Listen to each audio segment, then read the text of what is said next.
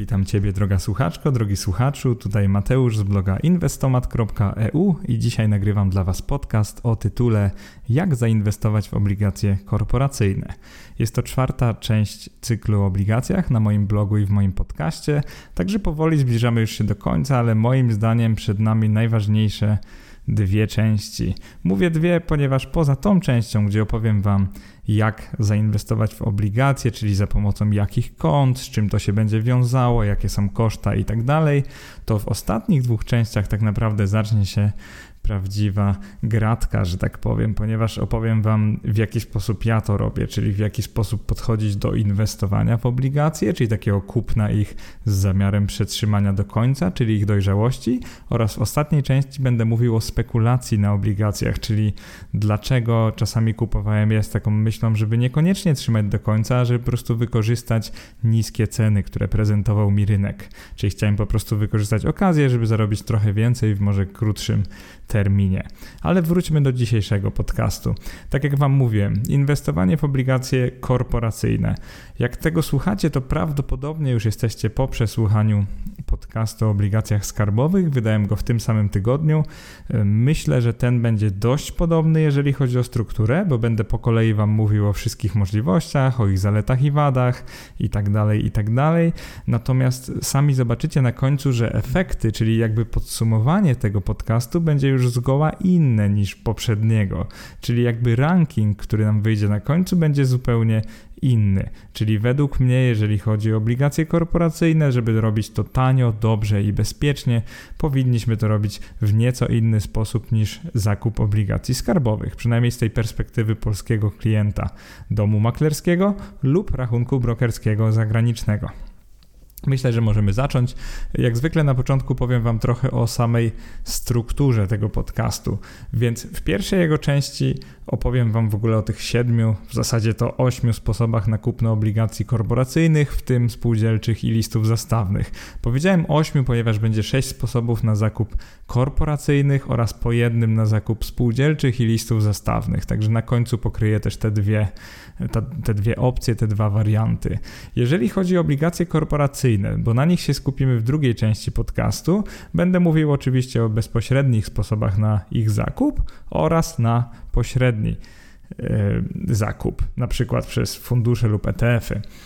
Następnie porozmawiamy o zagranicznych obligacjach korporacyjnych, czyli tu będzie analogicznie jak było w przypadku obligacji skarbowych. E, jak sami zobaczycie, jest bardzo dużo opcji, żeby je kupić z perspektywy polskiego klienta. E, będziecie mogli kupować je sami przez co prawda nieliczne konta maklerskie, przez zagranicznego brokera również bezpośrednio. Będzie można nabyć na nie fundusz inwestycyjny, czego jak zwykle nie będę polecał. Zgadnijcie dlaczego, już trochę mnie znacie z tych podcastów i z mojego bloga. No i za pośrednictwem funduszy ETF. No i w tym przypadku na samym początku dam Wam spoiler, że fundusze ETF będą zdecydowanie wygrywać ze wszystkimi innymi opcjami i później Wam wyjaśnię dlaczego. No i sam, samo, sama końcówka tego podcastu, to myślę, że to będzie najważniejszy moment, to tak naprawdę będzie odpowiedzenie sobie na pytanie, który wariant inwestowania w obligacje jest najlepszy dla Ciebie. Jeżeli odpowiemy sobie na to pytanie, to będziesz łącznie z poprzednim podcastem wiedzieć, który wariant inwestowania w obligacje skarbowe oraz w tym podcaście, który wariant inwestowania w obligacje korporacyjne będzie najlepszy, najprostszy oraz najtańszy dla Ciebie, dla Twojego profilu inwestorskiego, że tak powiem. Więc zaczynamy. Jak zwykle przedstawię Wam na początku wszystkie sposoby na kupno obligacji korporacyjnych. Będzie to bardzo podobne do tego, jak było w przypadku skarbowych, ponieważ na pierwszym poziomie wybieramy jak zwykle polskie lub zagraniczne instrumenty. No i czym one się różnią tak pokrótce? Przede wszystkim tym, że inwestując w polskie nie ponosimy ryzyka walutowego, natomiast inwestując w zagraniczne jak najbardziej ponosimy, czyli pożyczamy firmom pieniądze w obcej walucie. Czyli to tak jakbyśmy najpierw kupowali obcą walutę, a później dopiero y, zawierzali te pieniądze firmom, żebyście sobie to jakoś wyobrazili. Jeżeli chodzi o pożyczanie polskim firmom, jest to dużo prostsze. Bierzemy nasze złotówki, pożyczamy firmom w złotówkach, także również w złotówce możemy się spodziewać zwrotu tych pieniędzy. No i oczywiście w głowach waszych powinno być teraz pytanie, co jest lepsze, inflacja na złotym czy ryzyko walutowe? Bo tak naprawdę to jest pytanie, które zadaje sobie chyba każdy inwestor w tym roku. No ale mniejsza z tym, porozmawiamy o tym później i przede wszystkim w kolejnym wpisie. I teraz jeżeli chodzi o te dwa o te dwa standardy obligacji, to kupimy je też bezpośrednio i pośrednio, czyli jak zwykle. Przede wszystkim bezpośrednio należy samemu wybrać takie instrumenty, czyli samemu wybieramy, jakiej firmie chcemy pożyczyć te środki. Możemy to też zrobić na rynku pierwotnym albo wtórnym, żeby było jeszcze ciekawiej. Jeżeli chodzi o zakup pośredni, tutaj jak zwykle jest trochę łatwiej, ponieważ wtedy decyzję już podejmuje zarządzający funduszem inwestycyjnym albo ETF-em. No i oczywiście kupujemy jednostki takiego funduszu lub ETF-a i w ten sposób te nasze pieniądze inwestują się same. Jeżeli ta ostatnia opcja jest dla Ciebie kusząca, jeżeli ona brzmi fajnie, tak no wiesz, może masz czas na posłuchanie moich podcastów, ale niekoniecznie chciałbyś lub chciałabyś prze, przeznaczać jakoś bardzo dużo czasu na inwestowanie. To tylko powiem Wam ta, tyle, że w inwestowaniu zawsze kosztem właśnie tego czasu, którego nie będziecie spędzać na no, własnoręcznym inwestowaniu, są te prowizje, czyli niestety, no wiadomo, pośrednik zawsze weźmie od was te kilka procent rocznie. No jak później wam wyjaśnię, na przykładach nawet wytłumaczę, w przypadku obligacji korporacyjnych jest to szczególnie bolesne i te ich wyniki inwestycyjne z ostatnich kilku lat były no szczególnie kiepskie, dlatego w tym przypadku będę no chyba jeszcze bardziej niż w przypadku obligacji skarbowych, będę wam odradzał ten zakup właśnie poprzez takiego, nazwijmy to, dealera. E, co innego jest zupełnie jeśli chodzi o ETF-y. Jeżeli one są wystarczająco tanie i płacą wystarczająco duży kupon, to oczywiście są one bardzo dobrym zakupem, ale do tego zaraz dojdziemy. Zacznijmy od tego rozdziału drugiego w tym podcaście, czyli jak kupić polskie obligacje korporacyjne. Czyli zaczynamy tą część o bardziej ryzykownych papierach dłużnych. I teraz z natury rzeczy obligacje korporacyjne raczej kupuje osoba, która chciałaby coś więcej niż tylko pokonać inflację. Będę o tym mówił w detalu w następnej części, więc na razie Wam powiem tylko tyle, że jeżeli nie dopuszczacie takiego ryzyka bankructwa emitenta, jeżeli te Wasze pieniądze muszą być no, skrajnie bezpieczne i nie chcecie mieć żadnych huśtawek na tym kursie obligacji, to moim zdaniem powinniście wrócić do poprzedniego wpisu do poprzedniego podcastu i raczej skupić się na obligacjach skarbowych, jeżeli chcecie przede wszystkim przechować kapitał lub pokonać inflację. Niestety prawda jest taka, że w tym roku pokonają inflację prawie, że na pewno tylko obligacje korporacyjne, ponieważ one płacą takie premie ponad stopę procentową na tyle wysokie, że będą mogły pokonać tą prawie że 4% inflację CPI. Jeżeli chodzi o bezpośredni zakup polskich obligacji korporacyjnych, Tutaj jest y, to trochę bardziej skomplikowane niż było w przypadku obligacji skarbowych, bo jeszcze raz przypomnę, że tam miałeś lub miałaś możliwość zakupu je przez taki specjalny serwis PKO Obligacje, więc to było dość proste, zakładało się osobne konto i tam kupowało się przez to konto tylko obligacje skarbowe. Jeżeli chodzi o papiery korporacyjne, jest to trochę inaczej, ponieważ na, możecie to zrobić na dwa sposoby. Przede wszystkim mamy oferty publiczne obligacji. To są takie, jak na przykład ostatnio była Legimi lub Gelanco Investments. E, te firmy po prostu ogłosiły w czymś takim ala reklamach, że będą sprzedawać swoje obligacje, powiedziały wszem i wobec, jakie są warunki, kiedy jest wykup i tak dalej, i tak dalej. One przy okazji były dostępne na stronie rynku Catalyst. Jeżeli jesteście ciekawi, to macie link do wszystkich takich przyszłych emisji. Macie link w moim wpisie, więc wystarczy włączyć wpis. Link do bloga macie też tutaj w opisie podcastu. Jak jeszcze nigdy nie byliście, to zachęcam, żebyście sobie czasami tam weszli. Więc jeżeli chcielibyście zobaczyć taką stronę, gdzie są wszystkie przyszłe emisje, to jest to tam. I zapisy na takie obligacje najczęściej robi się w wybranym domu maklerskim. No i niestety to jest często jeden lub dwa domy maklerskie, więc może się tak zdarzyć, że jeżeli na przykład macie konto w banku na przykład e-maklera, to akurat nie będziecie mogli na rynku pierwotnym, czyli bezpośrednio od emitenta kupić tych obligacji. No niestety tak to działa. Więc dla Was alternatywą jest zakup takich papierów bezpośrednio, ale na rynku wtórnym. I teraz co to oznacza rynek wtórny? Po prostu wyobraźcie się sobie kogoś, kto kupił te obligacje, w sensie pożyczył pieniądze emitentowi, a później chce na rynku sprzedać te papiery, czyli z jakiegoś powodu potrzebuje odblokować swoją gotówkę, może przestał wierzyć w tą firmę, może ma jakieś inne powody, ciężko powiedzieć, ale chce sprzedać te papiery na giełdzie, czyli w identyczny sposób, w jaki sprzedajecie na przykład akcje W tym przypadku cena jest jednak trochę bliższa te, tych 100%. Zazwyczaj to będzie coś w rodzaju 99% na przykład, jeżeli ta osoba bardzo chce je sprzedać. No i wystawi zlecenie na sprzedaż. Więc teraz szansą dla takich inwestorów jak my jest po prostu poprzez posiadany przez nas rachunek maklerski. To może być dowolny rachunek maklerski, na przykład właśnie w banku, czy w PKO, czy w Bossie czy w jakimkolwiek innym domu maklerskim tak naprawdę, który ma dostęp do katalista. Jeżeli chodzi o właśnie taki zakup na rynku wtórnym katalist, jest to dość proste, musicie po prostu znać ticker, czyli no, tą nazwę giełdową tak jak macie w przypadku akcji, na przykład weźmy spółkę Ronson, ona będzie miała skrót RON, jeżeli chodzi o akcje, że jak wpiszecie sobie RON na przykład na serwisie stoku.pl, to zobaczycie, że znajdziecie akcję Ronson.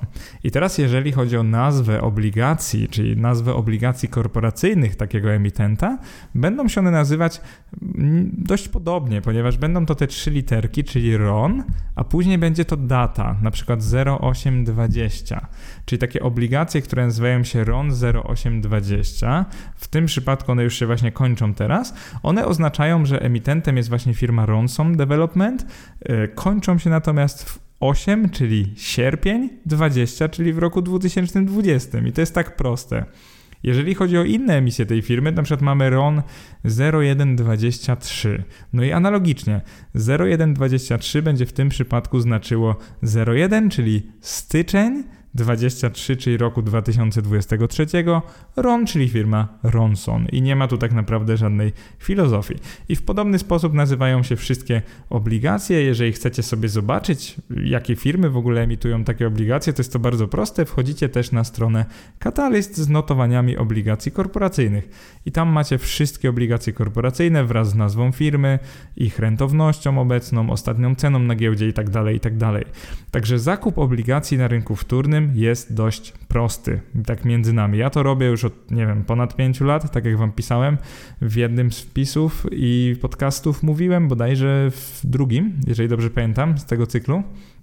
I teraz, co jest dość ważne, jeżeli chodzi o handel na rynku wtórnym obligacjami korporacyjnymi, moim zdaniem są to prowizje. Yy, przypomnę Wam trochę, że na przykład jeżeli macie konto e-makler w mBanku, to opłaca Wam się w cudzysłowie prowizyjnie kupić akcję za około 800 zł, bo wtedy płacicie tą prowizję 3 zł, czyli tą minimalną. Jeżeli chodzi o prowizję na obligacjach, to mam dla Was no, i dobrą, i złą wiadomość. Dobra wiadomość jest taka, że procentowo zwykle na obligacjach są o wiele mniejsze prowizje. I przykład dla mBanku to jest 0,19% i tutaj jest wobec tych 0,39%, które są dla akcji. Czyli to jest dobra wiadomość, że procentowo jest to niższa prowizja. Zła wiadomość jest taka, że ta kwota minimalna prowizji jest dalej identyczna, na przykład tu jest 3 zł, czyli tak samo jak było w, w stosunku do akcji. I teraz co to znaczy dla inwestora? To znaczy tyle, że tak jak Wam się opłaca kupować akcje za około 800 zł, no to obligacje Wam się opłaca kupować za około 1500 y, zł. Taki jednorazowa transakcja, bo wtedy zapłacicie mniej więcej 3 zł tej prowizji, czyli po prostu nie przepłacicie y, maklera. Czyli mówiąc Krótko, jeżeli chcecie sami wybierać obligacje i kupować je na rynku wtórnym, no to warto mieć w głowie, że się obraca minimalnie kwotami takimi około 1500 zł. I ci z Was, którzy pamiętają serię ETF-ach, zresztą będziemy o nich później mówić też, pamiętają, że w przypadku ETF-ów ta minimalna prowizja jest jeszcze wyższa, y, bowiem wynosi ona, o, już nie pamiętam w tej chwili, ale to było bodajże około 6 tysięcy złotych, jeżeli dobrze pamiętam. Nie chcę zgadywać, ale jakoś tak to wychodziło. Ci z Was, którzy czytali moją serię i słuchali podcastów, doskonale wiedzą. Więc w praktyce jest to tak, że jeżeli ktoś chce inwestować małymi kwotami, no to najmniej przepłaci prowizję wybierając samemu akcje polskie lub te ETF-y notowane na polskiej giełdzie, na przykład Lixora lub Bety. Później na drugim miejscu są obligacje, na przykład korporacyjne, chociaż skarbowe mają taką samą prowizję, jeżeli kupujecie z tak zwanej drugiej ręki, czyli na rynku wtórnym. I tutaj jest około 1500 zł. Jeżeli chodzi o takie naprawdę opłacalne inwestowanie w ETF-y, tak jak Wam mówiłem, około 6000 zł na jedno zlecenie. No i to jest dla niektórych kwota dość kłopotliwa, bo albo nie chcą, nie mogą tyle zainwestować y, na przykład co miesiąc, co zupełnie rozumiem, bo mało kto aż tak dużo inwestuje. Y, to jest jeden powód. Drugi powód jest taki, że zwyczajnie chcieliby na przykład, no tak stopniowo inwestować, że po prostu mniejszymi kwotami co miesiąc, to wtedy ETF się nie bardzo opłacają. Jeżeli chodzi o obligacje, to tak jak słyszeliście, nie jest tak źle. I teraz spójrzmy trochę na przekrój tych kont maklerskich w Polsce. Jest kilka, które oferują te, te niezłe 3-złotowe prowizje przy małych transakcjach i właśnie to będzie Alior Bank, y, Dom Maklerski BPS, y, Biuro Maklerskie ING oraz Biuro Maklerskie mBank. To są te cztery domy maklerskie, które mają najniższą prowizję minimalną. Natomiast jeżeli inwestujecie kwotami dużymi, czyli na przykład zawsze chcielibyście kupować obligacje korporacyjne, za 5000 zł. No to tutaj jest trochę prościej. Y, wybieracie na przykład dom maklerski BPS. Tutaj prowizja będzie wynosić 6,5 zł, czyli procentowa jest naprawdę niska, to jest 0,13%. Y, dom maklerski PKO, PKO SA, ten z żubrem, oni mają jeszcze lepiej, bo mają 0,1% prowizji, po prostu minimalną mają bardzo wysoką, bo to jest chyba 5,9 zł. Więc y, jeżeli chcecie inwestować tylko dużymi kwotami, no to potencjalnie BPS lub właśnie PKO to dla Was lepsze konto. Jeżeli Wam pasuje takie inwestowanie kwotami 1500-2000 zł na transakcję, tak jak ja robię, no to świetnym dla Was będzie na przykład konto maklerskie w banku. To jest to konto, którego ja używam. Jeżeli chcecie wspomóc moją działalność, jeżeli Wam się podoba podcast lub mój blog, no to serdecznie Was zapraszam, żebyście kliknęli i założyli e-konto, a później e-maklera z mojego linku. Macie taki pomarańczowy, wielki przycisk we wpisie, więc naprawdę ciężko go przegapić. Więc serdeczne dzięki, jeżeli będziecie chcieli je założyć z mojego linku, bo naprawdę wtedy dokładacie się do tego, żeby ten blog dalej funkcjonował. Wielkie dzięki. Y, przechodzimy teraz do zakupu pośredniego polskich obligacji korporacyjnych. I trochę podsumujmy jeszcze zakup bezpośredni. Więc tak naprawdę zakup na rynku pierwotnym Catalyst, czyli bezpośrednio od emitenta, ma ten minus, że jest po prostu ograniczony, że jest możliwy w wybranych domach maklerskich, czyli może być tak, że po prostu posiadając konto w jakimś konkretnym domu, akurat nie będziesz mogła lub mógł kupić tych obligacji, które chcecie, więc to jest ten dość duży minus.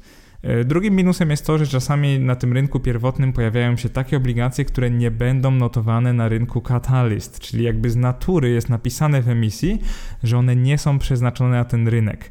Dla mnie to jest bardzo problematyczne, bo ja bym jednak chciał mieć możliwość sprzedaży takich obligacji. Jeżeli na przykład coś złego by się działo z firmą, to pewnie wolałbym e, się ich pozbyć lub po prostu gdybym potrzebował gotówki, więc powiem Wam szczerze, że ja o wiele bardziej wolę te obligacje, które są notowane na katalizm, bo to jednak daje mi możliwość ich wcześniejszej odsprzedaży, jeżeli bym chciał. Nie mówię, że to robię, bo zazwyczaj tego nie robię, no ale jak zobaczycie w podcaście szóstym, czyli spekulacja na obligacjach, czasami mi się zdarzało, także mam też trochę za uszami że tak powiem. E, więc to by, to by było na tyle, jeżeli chodzi o bezpośredni zakup na rynku pierwotnym. Rynek wtórny jest dużo lepszy. E, tak naprawdę plusem są właśnie te prowizje, które są niższe niż w przypadku akcji. To jest naprawdę fajne.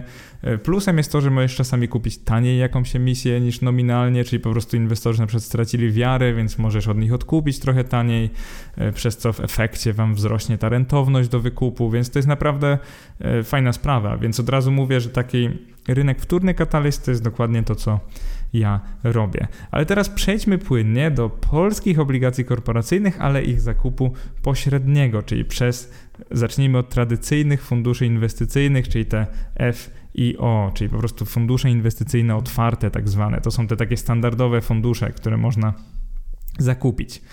I tak naprawdę tutaj pojawia się mały problem ponieważ, no jak myślicie, obligacje korporacyjne, one z natury powinny w cudzysłowie płacić więcej niż obligacje skarbowe. No od tego tak naprawdę one są, żeby oferować wyższą marżę. I teraz co, co zrobiłem przed napisaniem tego artykułu, przed nagraniem podcastu? Zestawiłem sobie wyniki za ostatnie 5 lat indeksu polskich obligacji skarbowych, podkreślam, nie korporacyjnych, tylko skarbowych i wyszło mi, że jakby ktoś kupował po prostu wszystkie serie jak lecie obligacji skarbowych, no to przez 5 lat zarobiłby dokładnie 21,8%, czyli około 22%, żeby sobie trochę uprościć. To nie jest naprawdę taki zły wynik.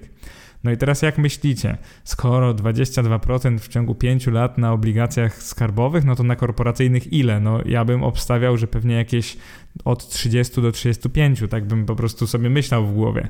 Natomiast zestawiłem wyniki polskich funduszy inwestycyjnych, które inwestują w obligacje korporacyjne, w polskie obligacje korporacyjne, czyli żeby nie było, też w złotówce. Mm, to były fundusze firm Aviva, AXA, Gamma, Millennium i Santander. Jeżeli jesteście ciekawi, to macie konkrety i wykres we wpisie. No i mam dla Was taką naprawdę złą wiadomość. I ta zła wiadomość to jest to, że o ile obligacje skarbowe y, przyniosły właśnie 22%, to najlepszy fundusz polskich obligacji korporacyjnych przez 5 lat, uwaga, uwaga, przyniósł niecałe 12%. I co gorsza, najgorszy z nich przyniósł 5% zwrotu. I teraz wyobraźcie sobie, że kupujecie jednostkę funduszu 5 lat temu i ten fundusz mówi wam, że on jest ryzykowny, ale też oprocentowanie będzie większe, bo średnio na kataliście tam się ma na przykład 3 lub 4% rocznie. I nagle waszym wynikiem przez 5 lat jest 5% przez całe 5 lat. Rozumiecie, to, to jest mniej niż 1% rocznie, jeżeli sobie złożycie procentem składanym. To jest, to jest fatalny wynik. Jeszcze mówię brutto, co jest najlepsze. I nie policzyłem opłaty za zakup bo takie fundusze tradycyjne, one mają opłatę za zakup. Jeżeli jesteście ciekawi, który to fundusz i no nie wiem, dlaczego mu tak poszło, to zapraszam do wpisu, tam macie dużo konkretów, także nie będę się rozgadywał, tylko to, co chcę wam powiedzieć, to to, że taką takim absurdem inwestowania w fundusze otwarte obligacji korporacyjnych jest to, że te obligacje korporacyjne mają to do siebie, że średnio właśnie dają jakieś 4% zwrotu rocznie i jeszcze jest ryzyko bankructwa emitenta. No i jak widać, większość funduszy musiała się zetknąć z tym ryzykiem, chociaż trochę, bo to widać po ich notowaniach. I teraz wyobraźcie sobie, że macie coś takiego i to jeszcze dodatkowo kosztuje średnio 1,5% rocznie. Kosztuje inwestora, czyli po prostu ty jako inwestor, inwestorka płacicie zarządzającym tym funduszem 1,5% rocznie, czyli wyobraźcie sobie, że coś z natury przynosi 4, odcinają wam jeszcze 2, czasami bankrutuje jakaś spółka, więc jeszcze spada notowanie, no i po 5 latach macie wow, prawie nic na plusie. Także no nie wiem, nie wiem po prostu co powiedzieć. Y, powiem wam tylko tyle, że no to jest szokujące i warto jest y, wejść sobie do tego artykułu, zobaczyć te wykresy, bo to naprawdę zmienia zupełnie spojrzenie na fundusze obligacji korporacyjnych. I teraz co gorsza jeszcze, na sam koniec, żeby trochę dobić te fundusze, sprawdziłem takie dwa fundusze z jednej y, stajni, że tak powiem, z jednej firmy. Mowa tu o firmie Santander. Oni prowadzą taki fundusz obligacji skarbowych polskich oraz obligacji korporacyjnych polskich. No i wiecie, co mnie najbardziej dobiło, że tak powiem? Przez te 5 lat fundusz obligacji skarbowych poradził sobie lepiej, bo miał stopę zwrotu 15%, niż fundusz obligacji korporacyjnych, który miał stopę zwrotu no około 10%. No i to, co chcę Wam powiedzieć, ja oczywiście rozumiem, że obligacje staniały w czasie COVID-u, że fundusze są wyceniane tak jak obligacje, no Jestem w stanie to zrozumieć, jak zaczniecie wykres, żeby być fair, przez większość czasu ten fundusz obligacji korporacyjnych był wyżej niż skarbowych i tak powinno być. Natomiast te koszta obydwu funduszy po prostu kompletnie zjadają ich wyniki. No i do takiego absurdu dochodzi, że jeżeli trzymacie przez 5 lat fundusz obligacji skarbowych i korporacyjnych, no to lepszy wynik przynosi ten skarbowych, czyli bezpieczniejszego aktywa. No i teraz zapala się lampka, że no jak to jest w ogóle możliwe. E, więc no co mam wam do powiedzenia? Tylko to, żebyście wybili sobie kompletnie z głów inwestowanie w fundusze otwarte, czyli takie fundusze tradycyjne na obligacje korporacyjne. Mówię na razie o polskich, później zobaczymy zagraniczne jeszcze. I teraz ostatnim wariantem zakupu polskich obligacji korporacyjnych jest, a w zasadzie nie jest, y, fundusz ETF. Bo niestety e, ekspozycja takich funduszy ETF na, na przykład na obligacje korporacyjne rynków wschodzących, czyli powiedzmy, że Polska się tutaj wlicza, jeżeli kupicie jednostki takiego funduszu, to polski jest tam około 0,2%, czyli naprawdę, naprawdę bardzo mało. No i teraz pytanie, czy mogę w ogóle nazwać takie inwestowanie inwestowaniem w polski dług korporacyjny? No szczerze mówiąc nie bardzo, bo, no bo co to tak naprawdę znaczy? E, to znaczy, że prawie nie macie tych papierów. Więc w praktyce, żeby już zamknąć, zapieczętować ten rozdział o polskich obligacjach korporacyjnych, powiem Wam tylko tyle, że niestety w chwili obecnej nie ma taniego funduszu ETF na takie obligacje, czyli po prostu nie możecie tego zrobić. Natomiast tutaj jest sygnał do na przykład do zarządzających funduszami beta ETF, no fajnie by było, jeżeli w którymś momencie by stworzyli takie fundusze i jeżeli jeszcze umożliwiliby polskiemu inwestorowi e, inwestowanie w takie bezpieczniejsze obligacje, czyli sami zajmowaliby się oceną ryzyka i trochę pomagali w tym odsianiu przyszłych bankrutów, tutaj odwołuję się do części drugiej podcastu, to w ogóle byłoby wspaniale, także po prostu powiem Wam, że to było coś niesamowitego dla polskiego inwestora i wreszcie otrzymałby taki fundusz, który fajnie by rósł, tak podobnie jak na przykład spółki dywidendowe polskie. To jest na pewno coś, na czym tacy zarządzający ETF-ami mogliby się skupić. Naprawdę byłoby świetnie, jakby stworzyli kiedyś taki fundusz. Teraz przechodzimy płynnie do części trzeciej tego podcastu, czyli będziemy rozmawiać o zagranicznych obligacjach korporacyjnych. Zaczniemy od ich zakupu bezpośredniego. I tutaj, podobnie jak w przypadku polskich obligacji skarbowych oraz tak naprawdę zagranicznych obligacji skarbowych, będziemy mogli kupić takie obligacje przez konto maklerskie oraz przez zagranicznego brokera na rynku wtórnym w obydwu przypadkach. I co jest tutaj bardzo ważne, to to, że polskie konto maklerskie, no cóż, będzie dość ograniczone, ponieważ sprawdzałem ofertę we wszystkich domach maklerskich i z tego co się dowiedziałem, to właśnie tylko PKO SA, czyli to jest identycznie jak w przypadku tych zagranicznych e, instrumentów skarbowych tylko ten dom maklerski oferuje takie obligacje. No i teraz, jak zwykle w Polsce, do, do minusów takiego konta należy między innymi to, że te minimalne prowizje są ogromne. I dla przykładu powiem Wam, że to jest 0,29 czyli to jest dość niska prowizja, natomiast kwota minimalna prowizji 60 dolarów amerykańskich, 60 franków szwajcarskich, 50 euro, 400 koron szwedzkich lub duńskich lub norweskich i tak dalej, i tak dalej. Czyli jakbyśmy tego nie liczyli, no to optymalnie prowizja wychodzi przy jakich kwotach? Takich rzędu 70-100 tysięcy złotych. Czyli to jest trochę absurdalne, no bo wątpię, że wiele z Was będzie chciało kupować jednorazowo i tym bardziej obligacje jednej firmy za 100 tysięcy złotych. Więc tak prześmiewczo trochę mówię, no, że jest taka możliwość z Polski, ale po prostu jest bardzo ograniczona. E, fajne jest to, że macie dość bogatą listę takich obligacji. E, możecie zainwestować w dług takich firm, na przykład jak Bombardier, Colgate, Commerzbank, Deutsche Bank, Ford, Morgan Stanley, Netflix czy Pfizer, więc to są duże, znane, uznane firmy. Takie obligacje na przykład kupicie na Ksetrze tej niemieckiej, czyli Deutsche Börse, giełdzie niemieckiej, więc no fajne jest to, że w ogóle jest taka możliwość, bo lepiej mieć możliwość niż nie mieć. Natomiast jeżeli chodzi o takie już opłacalne inwestowanie w dług zagraniczny, zdecydowanie bardziej opłacalne jest robienie tego, robienie to przez e, zagranicznego brokera, czyli to będzie tak samo jak w przypadku e, obligacji skarbowych zagranicznych. No i tutaj mamy bardzo podobną sytuację. Sprawdziłem czterech brokerów, to jest DIF, e, DeGiro, Exante i Lynx Broker. Wszyscy czterej oferują takie inwestowanie, natomiast najbardziej konkretną odpowiedź dostałem od firmy DeGiro i oni mi odpisali, że takich dostępnych obligacji korporacyjnych mają około 400 na giełdzie niemieckiej, 80 na holenderskiej, 80 na francuskiej, 20 kilku na portugalskiej i 4 na belgijskiej. Więc jakby tego nie sumować, około 500 papierów skarbowych, całkiem fajna sprawa.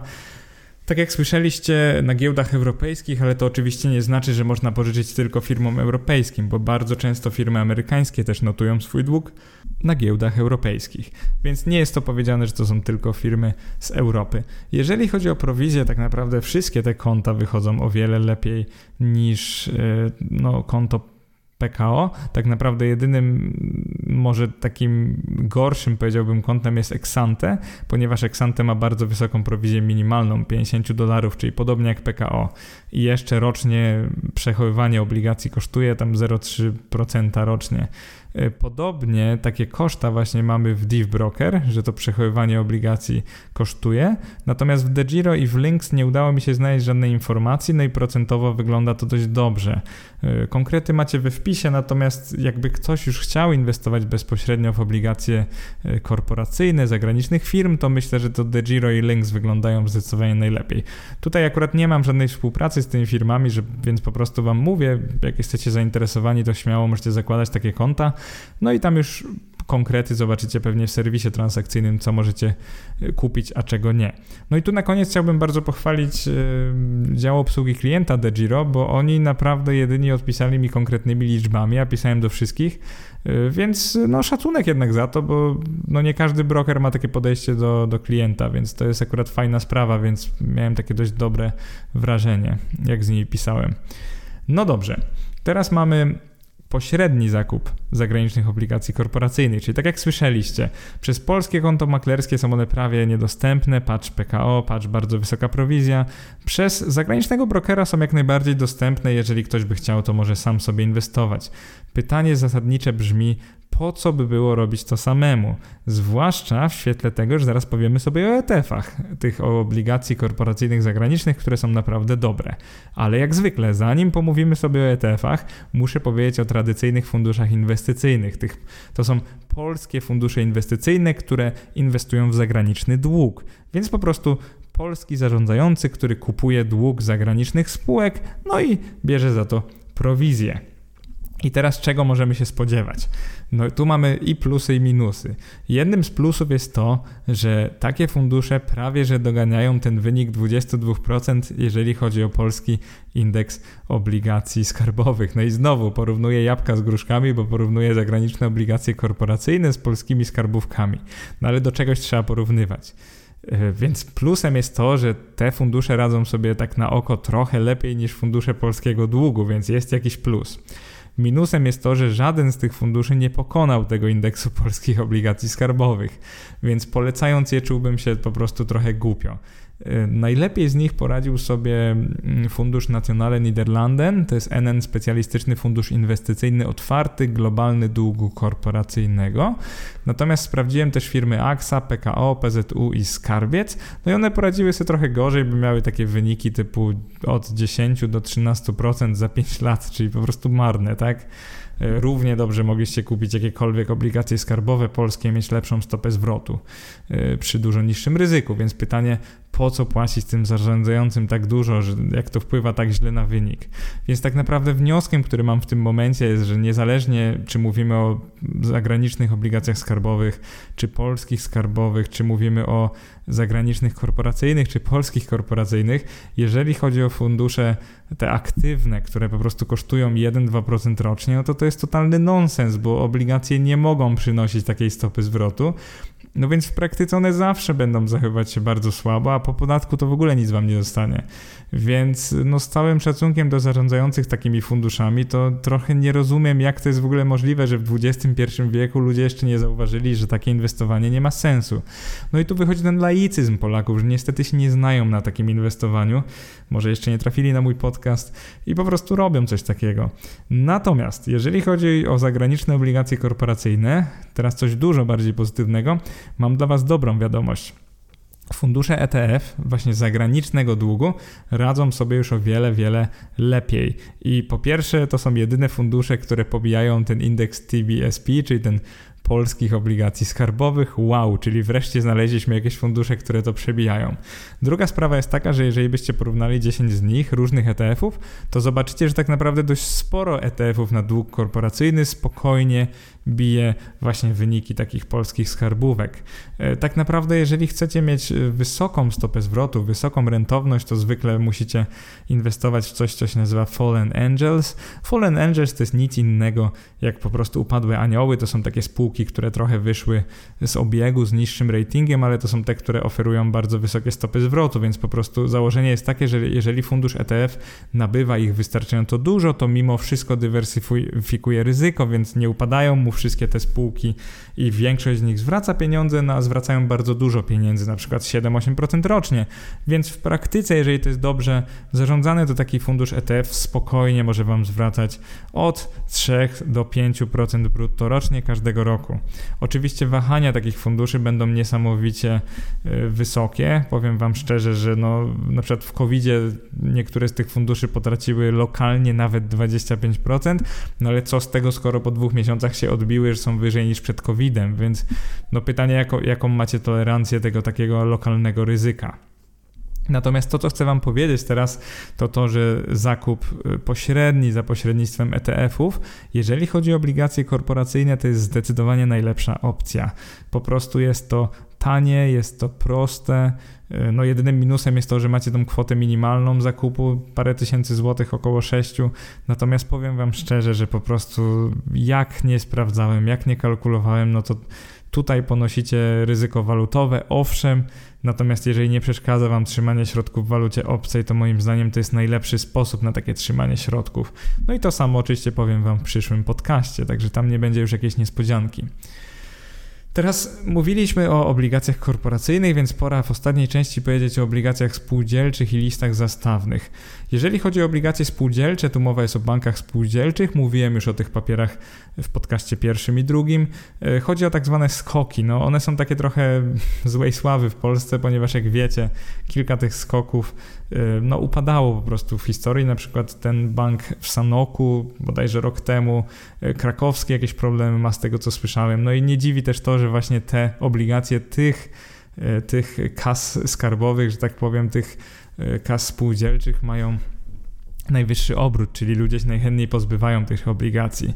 I jeżeli chodzi o te notowania, no plusem jest to, że w ciągu roku w ogóle się dzieją takie notowania, czyli da się kupić i sprzedać takie obligacje. Tylko moje pytanie brzmi, czy warto jest iść w obligacje spółdzielcze, jeżeli one średnio procentowo przynoszą gdzieś tak dwie dziesiąte bodajże punktu procentowego więcej niż korporacyjne, a ich ryzyko jest o wiele większe. Po prostu te banki spółdzielcze w Polsce no nie są tak dobrze regulowane i powiem wam szczerze, że no nigdy nie wiadomo, czy tu zabraknie kapitału, czy coś innego się wydarzy. Więc powiedział wam szczerze, powiedziałbym Wam szczerze, że raczej zakup obligacji spółdzielczych zwyczajnie jest lepiej po prostu kupić bezpośrednio obligacje korporacyjne, jakiejś firmy, która jest bezpieczniejsza i którą lepiej znacie.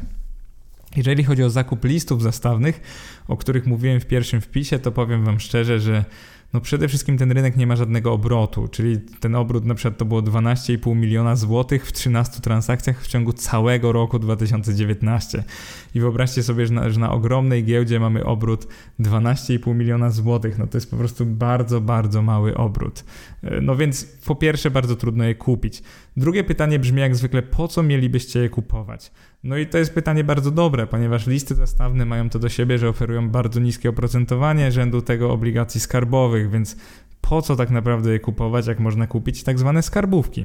Więc szybko ucinając temat, powiem Wam szczerze, że ani w spółdzielcze, ani w listy zastawne bym nie inwestował, natomiast jest to możliwe. Jeżeli jesteście ciekawi jak, no to we wpisie macie taką drobną instrukcję, więc też znajdziecie jakieś moje tam porady, powiedzmy. No i dochodzimy do sedna wpisu, czyli który wariant inwestowania w obligacje korporacyjne jest najlepszy dla Ciebie. I teraz tak naprawdę, jeżeli chodzi o obligacje korporacyjne polskie, to według mnie tylko jeden wariant jest naprawdę dobry, no i to jest bezpośrednia inwestycja przez dowolne konto maklerskie. Czyli po prostu macie konto maklerskie z dostępem do katalysta, no i kupujecie własnoręcznie wybrane obligacje korporacyjne. To jest bardzo fajna sprawa, macie nad tym pełną kontrolę, kupujecie kiedy chcecie, po prostu musicie wybrać takie, które są płynne, no i musicie znać firmę, żeby się nie przejechać po prostu. E, to jest i tanie, i w miarę bezpieczne, jeżeli chodzi o transakcje. Spready są jakie są, ale da się dokonać takiej transakcji po cenie, jakiej chcecie. Więc powiedziałbym, że zdecydowanie ta opcja. Jeżeli chodzi o zagraniczne obligacje korporacyjne, no to oczywiście ETF-y. Już to mówiłem przed chwilą, ale numer jeden zdecydowanie ETF-y są najtańsze, jest ich sporo, można nimi handlować na giełdzie, czyli jeżeli chcecie, to się ich pozbywacie bardzo prosto. Minusem jest oczywiście ta prowizja wejścia, czyli to 5000 zł, że dopiero wtedy, czy tam przynajmniej 6 nie przepłacacie prowizji maklerskiej, więc to jest ten minus. Y, drugą opcją, którą też bym rozważył, jeżeli chcecie inwestować bezpośrednio przed w dług y, Coca-Coli y, czy firmy Gillette, no to możecie po prostu założyć sobie zagraniczne konto brokerskie i przez to konto kupować obligacje zagraniczne, więc to też jest dla Was opcja, więc powiedziałbym, że jeżeli jesteście może tacy bardziej selektywni, bardziej ambitni, to też możecie to zrobić i wcale nie będziecie przepłacać prowizji. I to by było z grubsza na tyle, jeżeli chodzi o inwestowanie w obligacje korporacyjne z perspektywy polskiego klienta, bo o tym był ten podcast.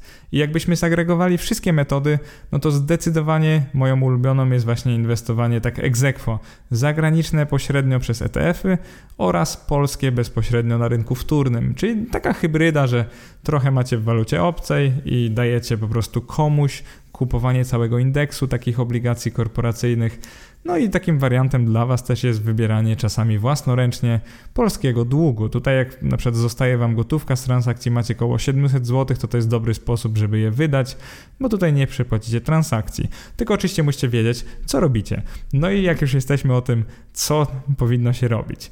To był ostatni podcast y, z cyklu tych takich y, pomiędzy teoretycznych a praktycznych. Ten już był bardziej praktyczny, natomiast dwa ostatnie będą zupełnie praktyczne. Chciałem je teraz zapowiedzieć, bo to jest idealny moment. W następnej części, tak jak mówiłem na początku, inwestowanie w obligacje, w ostatniej spekulacja na obligacjach, czyli bardzo praktyczne case studies z mojego życia, z mojego doświadczenia, e, dużo konkretów, dużo historii. Myślę, że naprawdę będziecie mogli dużo wynieść z tamtych ostatnich dwóch wpisów i podcastów. Oczywiście naciskam zawsze, żebyście też czytali artykuły, bo myślę, że najlepiej jest i przeczytać, i posłuchać, bo w ten sposób najwięcej zostaje w głowach. Tak jak Wam mówiłem, jeżeli doceniacie to, co robię, będę wdzięczny, jak założycie konto z mojego linku w mBanku albo polubicie mnie na Facebooku, mój fanpage inwestomat.eu. Bardzo Wam dziękuję za wszystko i do następnego.